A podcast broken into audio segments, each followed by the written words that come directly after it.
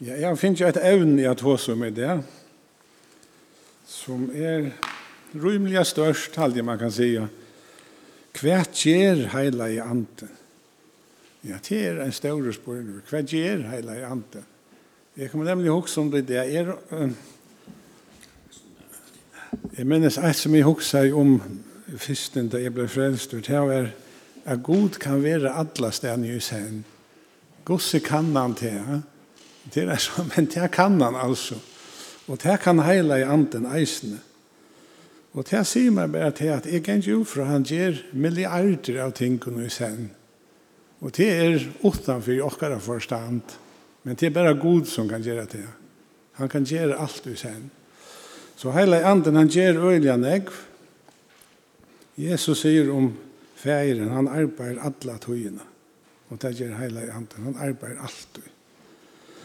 Ehm så men det som är för jag ta fram till er som Bibeln säger om vad hela anden ger. Bibeln säger det synder om vad hela anden ger. Och som vi hette er, i vis med om det fjärde pastor av oss ner om hela anden och det är nämnt flera från här förr. Det är ganska höskande jag börjar vet jag säga att att hela anden är en pastor att vi tror eniga goden som vi tar. Det er ein god, men han er vi trimon pørsten. Og Jesus sier i Matteus 28:19, her her kallar han alla eller her nevner han bæg fægeren, sonen og heila i andan. Til tar vi få vart døpsbøyene med landa. Og i navnet av heila i andan, derfor jeg byrja vi tog, vi kallar for heila i andan. Han er heilaur. Og det vil si at han er regner og fullkommen. Det er ikke feiler og gjennom. Og han er ante, det vil si han er avskjønnelig. Og Jesus brukar en mynd om andan i Johannes 3, 8, ta han tåsar vid Nikodemus. Og skal røyna forklare honom til andalega, og til vi andan, og vi til andalega menneskene. Ta brukar han vinden, som er alltid en grulig gavmynd at vi sutt ikke vinter. Vi har haft massor av vinter nu. Jeg husker om det er å sitte i køkene, så sutt ikke alt den der som der skjoma inn etter vannet, og trøyene til livet, og græset til livet, og alt. Men i verleggen, vi halter vi sutt av vinter, men vi sutt han ikke. Det vinteren, han er, han er trusht. Han er ikke skjønnelig. Men vi kan sutt av hva han gjør. Og det er det samme vi antar Det er grunn av gøy mynd på andan. Vi sutja ikke andan, men vi kan godt sutja hva han gjør. Det er jo i løyven ikke øren, og ikke minst i løyven ikke åkken sjolv.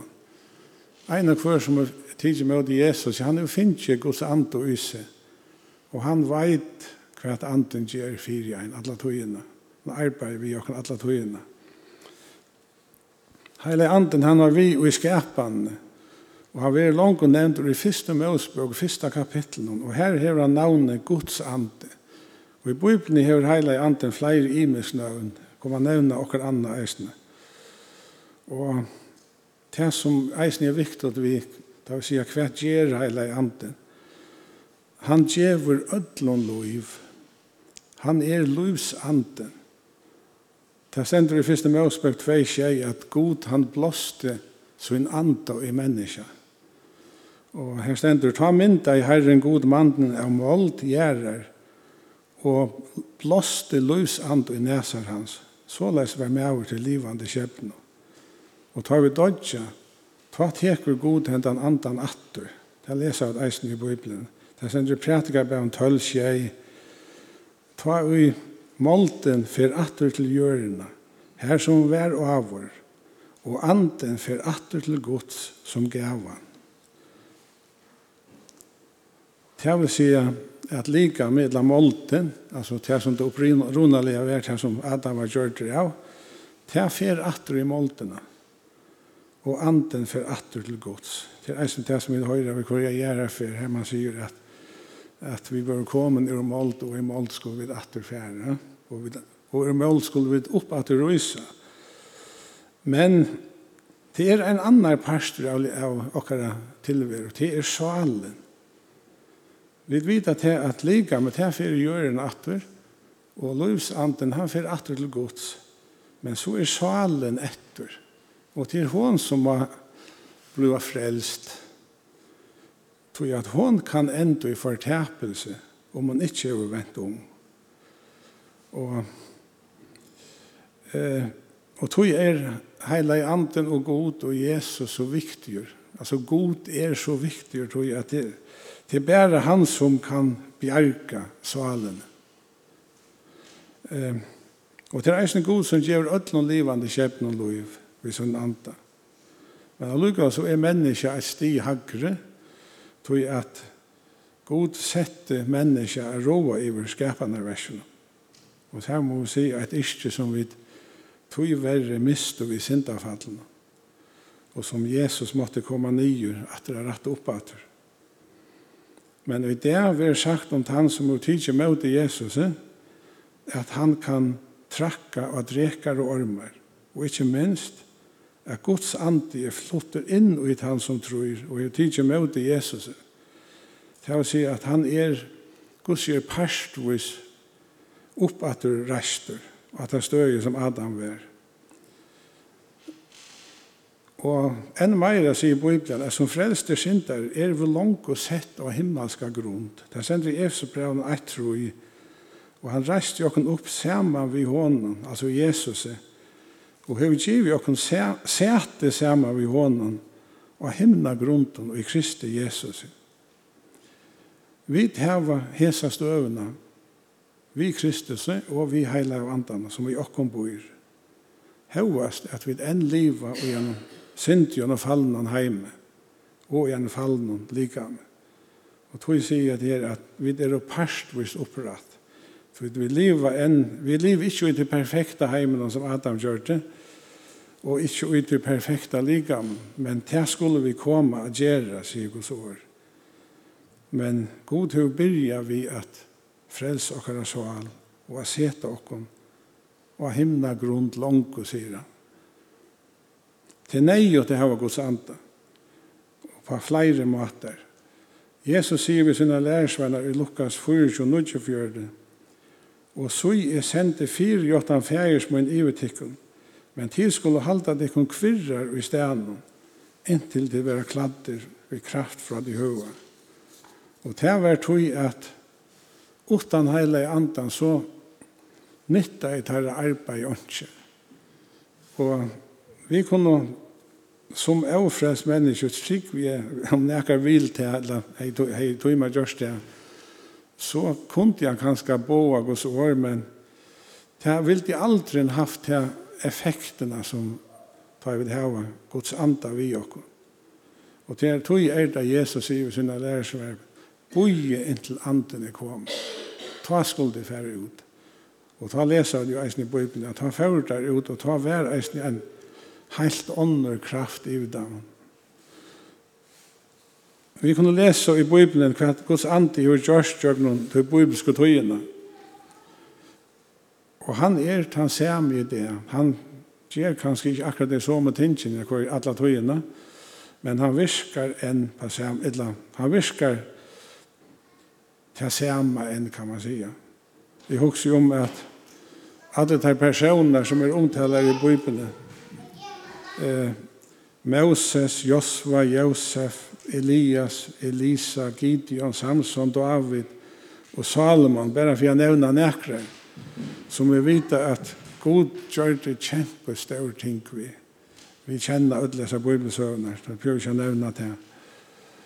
Um, og hese dømene, det er så noen hva hele i anden kan gjøre vi mennesker. Og Og dette var ute i gamla sottmalan, som, som Paulus nevnte, som var en verre sottmal, ja. Og i det sier Jesus at vi skulle gjøre så må ting som Jesus selv gjør det, og enda større ting enn han. Eh, jeg vet ikke om nekker gjør større ting enn Jesus enn, men jeg vet at man er bygge for menneskene og, og, som er deg og til i livnei, og mennesker blir grødde på mirakels hvis han hvis ting eller hva man kan si uh, men jeg tror vi at, at det, det som Jesus sier, det kommer ikke engang ut om det ikke er ikke ut i alle fall Eh, og i gamla testamentet, jeg leser at menneska til hei hjärsta av stein som mersker at hei var antalliga deg. de vil du ikke akta god. Og heldre enn å fylltja til livande gode, som vi leser snakka sen her, så valgte de alla tøyina, nastan alla tøyina, heldur a fylltja av netton av goden, som ikke megna. Og det er sjåhande utroligt, men så leis er menneska. Om vi hittar rundt i heimen og i det, så er menneska nærmast akkurat så leis enn.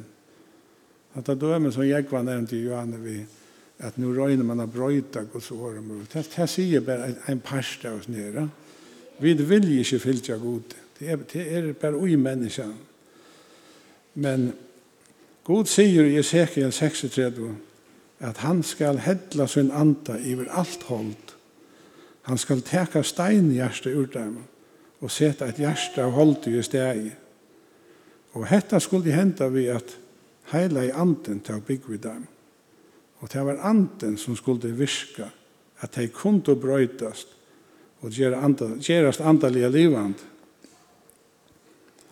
Og den større brøytingen hadde jeg til til at den nødja menneska innskjer av fylltja gode og vil gjøre Guds vilja.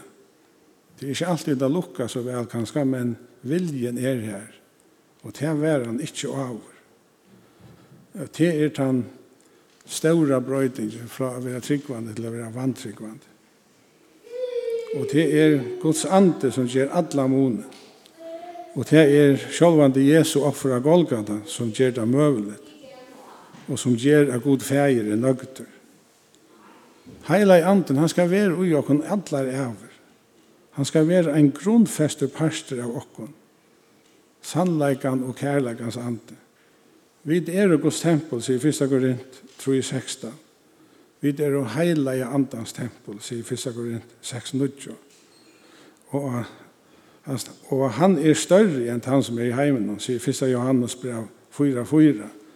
Altså, han er større enn djevelen, han er større enn alt hans er velte. Altså, heila i anden. Og tog kunne vi alltid være trygg. Han som bor i okken, han er større enn han som er i heimen. Og eisen om vi så livet la dodja, så høyrer vi honom til. Det er ikke alltid vi slipper livande, la mennesker tek tryggvande slipper livande på seg urtru. Vi høyrer og leser om det at det er øyelig nek mennesker som blir dripen, nek kristne, kristne mennesker som blir dripen dagliga faktisk. Men Ta du hever Guds anda og vittar, vittar og vittar, så erst du alt við tryggur. Så enda du Guds er heima til gode. Og det er Guds ande som bor okkon, som djever okkon, illa det at Guds ande bor okkon. Det djever okkon eisen større møvleikar. Vi kunne være andalige virkjen. Vi kunne teka vi andans gavu. Vi kunne læra. Vi, altså læra andalige. Vi kunne profitera. Vi kunne bia fyrir sjukon. Vi kunne bia fyrir teimen som er illa fyrir på alla møvliga matar og vi kunne gjøre under i Jesu navn, vi heilige andans kraft.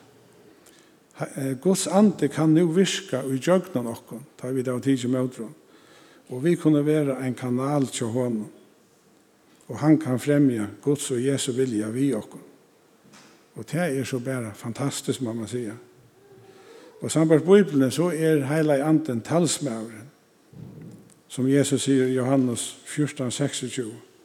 Og han sier det eisen i 15, 60 og 16 skjer. Han er trudjastene her nevnt som talsmæver. Og han er Guds ande, som en, da sender første møvsbøk, 1-2, og Rømjabran 8 nudjo. Og han er Jesu ande, som da sender apostelen 16 skjer. Altså han er anden som gode, gode, som du tror jeg er gode. Som talsmæver stillar heila i anden sig inte fremst, men han omboar fägeren och sonen. Han visar alltid till sannläggan och till Guds år, Och tog er han sannläggans ande. Jag kommer att ihåg hukse om i det att jeg tykker vi at heila i anden har negv heldur vilja at vi tåsa om Jesus i det enn om han. Han viser egentlig ångande til sin själva. Han viser alltid til Jesus. Til Jesus alls nøysjum. Men vi skulle eisne vita nekko om, om heila anda. Så vi må eisne tåsa synder om han. Og i okkara loive strujist anden i møte til fallna holdna. Vi leser i Johannes 6, 33, at her anden som loikar, holde gagnar ondkje. Årene som er av tala til tikkara er og andi og er loiv. Det er anden som loikar, og holde gagnar ikke. Og det er akkurat det her som jeg løs og æren, nevnte og æren at holde til vil borster fra god, anten vil til god, og tog gagnar holde ikke. Det hjelper dere ikke, det er mer til for tre og i verleggen. Og i Rønbrand 1.6 stendur, tog at tra holsens er deg, men tra andans er lov og frigjør. Og det er akkurat det samme atter at holde det, det vil ikke, det vil ikke god, det vil deg, eller det troer med det deian i verleggen. Men så sier han allikevel, tror jeg vers 17 i Rønbrand 1.9, men tid er jo ikke i holden, men i andan, så fremt som ante Guds bor i dikken. Men hever ein kvar ikkje anda Krist, ta høyre han ikkje hånden til. Og dette sier hun eisne gusse områdende anden er. At her var vi ikke gusse ande i okken. Ja, men så høyre vi ikke til Jesus. Heila i anden, han gjør gaver og evne til eisne et av tingene han gjør. Som vi nevner heila i andens gaver. Og han viskar vi og uje som gavene og evnene. Og han kan eisne gjeva ånder evner, skapanar evner, evner, Vi gamla dessa läser vi om testamentet läser om att hela i anden gav tajman som gjort och temple särliga listaliga gåvor At ge og ävna loter til som skulle brukas i templen. Det läser vi mittel andra i Öre Mosebok 83 og 31 og 35 og 31. Her er nevnt om at heila anden gav dem listaliga gåvor til at gjøre utrolig flott at uh, Lutin ganger ufra til templet. Og i Nødja testamentet leser vi om at heile andans gaver, som er andalige gaver. Det er sånn ikke tog for at område alle disse gavene, så skulle man brukte gudskjør ena la tvær heller at tvært vi. Men eh, jeg kan nevne det her. Det er nevnt der i Bibelen, mitt andre i Røvenbreven 12, 6-8. Her, her leser stendet så leis. Og vi til at vi til var imislige nøyegaver, samsværende til det nøye som okken er given. Først av nu er profetagaver. Da lærte jeg okken nøyta henne etter som vi til var trygg til. Etla det er en tjeneste. Da lærte jeg okken være om tjenestene. Og ja, tjenestene kan man kanskje stått si at det kan være alt mulig arbeid i Guds rydgjøk eller om einhver lærer om lærergjengen, eller om einhver avmenner om avmennene. Han som byter ut gjør det vi trolende. Han som stender fire gjør det vi utne. Han som gjør misten kan være versk gjør det vi glede.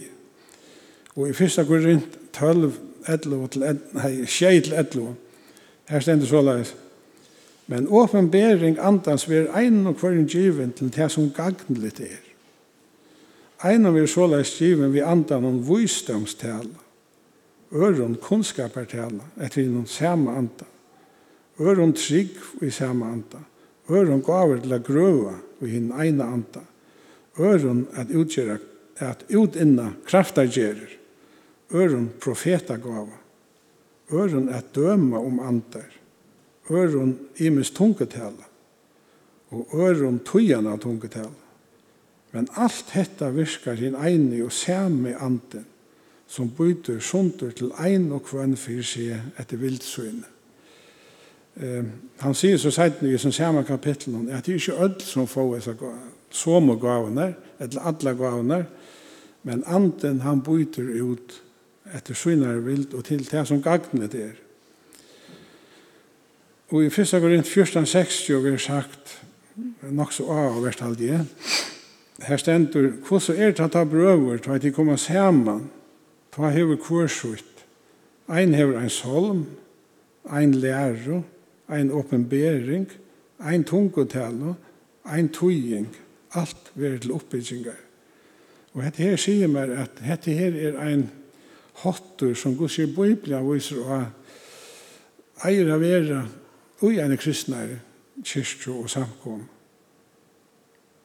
at andans gaver eier å være virksamar i kyrkjen og samkomne, og at vi eier løyva dem å være virknar. Men alt veri til oppbyggingar, altså det skal være skil og ødlån eisne.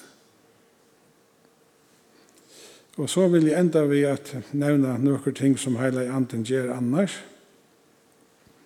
Han er okkara lærare, der sender Johannes 12, 12 og Johannes 14, 60. Og det er han som åpner skriftene for oss. Utan heilig andan så skiljer vi ikke gos år. Og etla lønter dem i gos år. Her kan jeg gos vittna fra meg selv om at jeg les ofta nye bøyblen i årene ble tryggvande. Og jeg kunne selv om det skilja søvene. Men da jeg var blivet tryggvande for å lese Bibelen, da han minnes det, det var som en ånderbøk. bok. Alltså nu skilte jeg knappt hva kvast stod här. Og da man leser forskjellig til gamla testamentet, så kunne jeg kjenne, å nei, her, dette er sikkert om Jesus, eller dette er om, altså, det som man slett ikke skilt i årene, og det er bedre vi heila andan, til heila i andan som gjør det, at har vi så høyre eller lesa Guds ord, så skilja vi det. Og vi kunne bare skilja det vi hånden. Han er læreren, men han er eisen han som åpenberer løntardømene. Tui er, tui er han eisne så utrolig viktig. Vi kunne lesa til dømes i 1. Korint kapittel 2 her Paulus tåsar negg just om dette evne. Heile anden hefur eisne eina æra grula viktiga oppgave, må man säga, som Jesus sier i Johannes 16,8, at han sannfører heimen om synd og rattvis om det om. Og det er vi at ein og hver som er blivit frelstur hever uppleva har møtt heila i andan og på tammatan at du er sannførdur om tunna synd. Men du er eisne sannførdur om Guds rattvise og om det om det er et ting av et av de større tingene som hele i andan eisne gjer eit av de gode tingene eisne alle tingene som hele i andan gjer er gode. Eit av dem gau er eisne at han djever okkon badna kår tja god stendur. Det er heilt fantastiskt. Vi er jo godsbød. Og det stendur enda at vi kunne råpa Abba feir. Vi kunne kalla god fyrir feir, eller papi, eller babba, eller kveta så er. Vi da var loive til det. Det stendur i Rømbran 8.15. Han er okkara feir, han er okkara papi. Det er fantastiskt. Og ett anna utrolig fantastisk vi har hela andan er at han er och är pantor om arven så god. Det sänder Efesbrevet 1 första. Det å si at han er och är til himmelen, kan man si. Självande vi trygg var Jesu Kristi verska Golgata. Annars kunde hela anden heldig ikke gjørst det. Men han kan gjøre det vi och trygg og jottan och Jesu verska Golgata. Så kan han Illa så er heila i anden okkara og mest til himmel. Jeg husker alltid om at vi leser ofta la ikke sånne vittigheter om at mennesker kommer fram for Santa Peter. Og det kan godt være nok så stort når jeg var det slett. Men verleisen er ikke tann. Verleisen er at heila i anden er billetten. Hvis du ikke hever han og ytter, så kan det gjøre akkurat det samme hva du har gjort. Så Om det er Santa Peter som stender eller hvor, så slipper du ikke inn der. Han er etgångemers, han er billetten. Lukas som tar skal inn i dans eller biograf eller hva det er, så må han ha billett for å komme inn. Det er det samme i himmelen. Hvis du ikke hever eile andan vitter, så, så slipper du ikke inn her. Han er okkara pantur til okkara arv. Og han er eisen en æra større oppgave, At det er han som skal vekje okken opp at han har det deg. Heila andre som er ui okken, han skal vekje okken opp at da Jesus kommer atter. Um, og det er eisen han som gjør okken trunn av Jesus er herre, som det stender i fyrsta grunn, tøll tro i. Ongen kan si at Jesus er herre, utan av heila anden. Og det er eisen sjålvan til at vi at hvis vi ikke har heila anden, så er han ikke okkar herre. Og han, på samme måte som Jesus, da stender om Jesus ganger i forbøn for okkar, så stender eisen om at anden ganger i forbøn for dem tryggvand. Da leser vi det i Røvenbrand 8, 16. Vi råkner vi at det han anden som er ui okkar. Han ganger eisen i forbøn for okkar. Det er eisen fantastisk og godt, det må man sige. Og han hjelper okkar vittne om Jesus, da leser vi det i Apostelsson 1, 8 at vi skulle få kraft av hele andre kommer i år. Det stemmer sammen med det som jeg nevnte i åren. At vi skulle være vittne om han, og at han sender ut om alle heimen. Og han skal eisne hjelpe oss om vi vera forfyllt, stendur, i Marskos 13, 11, at om vi så vera leid framfyrir de som vera forfyllt, vilja forfyllt oss, så skal han gjøre oss år, som vi kunne tale. Tog at, som det stender her, tog at det er ikke tid å tale, men heila i ante. Og ja, Et annet som jeg husker om, som man tar seg ofte om fyrir til, at heila i anden er eisende svarbærer, kan man sige.